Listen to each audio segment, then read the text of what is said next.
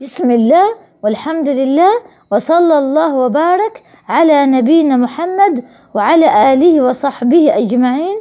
مجلسنا اليوم الحديث الحادي والأربعون عن عبد الله بن عمرو بن العاص رضي الله عنهما قال قال رسول الله صلى الله عليه وسلم لا يؤمن أحدكم حتى يكون هواه تبعا لما جئت به.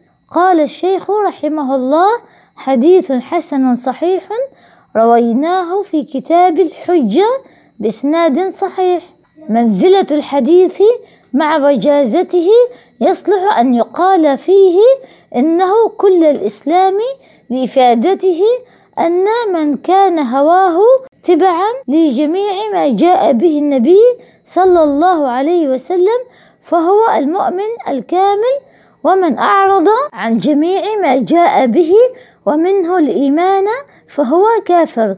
هواه يعني ما تحبه نفسه وتميل إليه تبعا أي تابعا لما جئت به من الشريعة ولما جئت به من الأوامر والنواهي.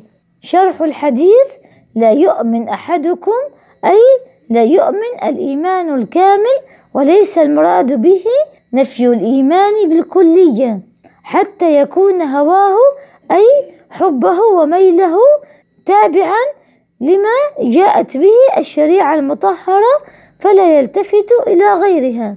فالواجب على كل مؤمن أن يحب ما أحبه الله محبة توجب له الإتيان بما وجب عليه منه فإن زادت المحبة حتى أتى بما ندب إليه منه كان ذلك فضلا. وأن يكره ما كرهه الله تعالى كراهة توجب له الكف عما حرم عليه منه فإن زادت الكراهة حتى أوجبت الكف عما كرهه تنزيها كان ذلك فضلا. والمحبة الصحيحة تقتضي المتابعة والموافقة في حب المحبوبات وبغض المكروهات. قال تعالى قل إن كان آباؤكم وأبناؤكم وأخوانكم وأزواجكم وعشيرتكم وأموال اقتفتموها وتجارة تخشون كسادها ومساكن ترضونها أحب إليكم أحب إليكم من الله ورسوله وجهاد في سبيله فتربصوا حتى يأتي الله بأمره.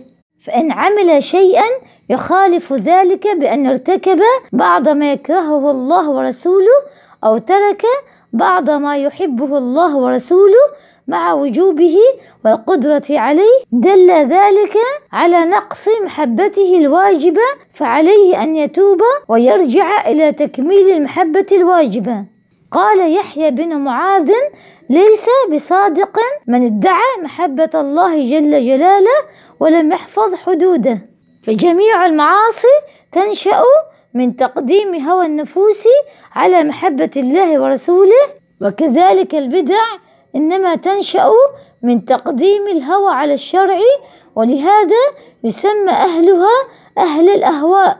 وكذلك حب الأشخاص الواجب فيه أن يكون تبعا لما جاء به الرسول صلى الله عليه وسلم فيجب على المؤمن محبة الله ومحبة من يحبه الله من الملائكة والرسل والأنبياء والصديقين والشهداء والصالحين. ولهذا كان من علامات وجود حلاوة الإيمان أن يحب المرء لا يحبه إلا لله ويحرم موالاة أعداء الله ومن يكرهه الله عموما. فوائد الحديث أولا يجب على المسلم أن يعرض عمله على الكتاب والسنة ويسعى لأن يكون موافقا لهما. ثانيا يجب تخلي الإنسان عن هواه المخالف لشريعة الله. ومن لوازم الإيمان نصرة سنة الرسول صلى الله عليه وسلم. وأخيرا الإيمان يزيد وينقص كما هو مذهب أهل السنة والجماعة. هذا وصلى الله وبارك على نبينا محمد وعلى آله وصحبه أجمعين.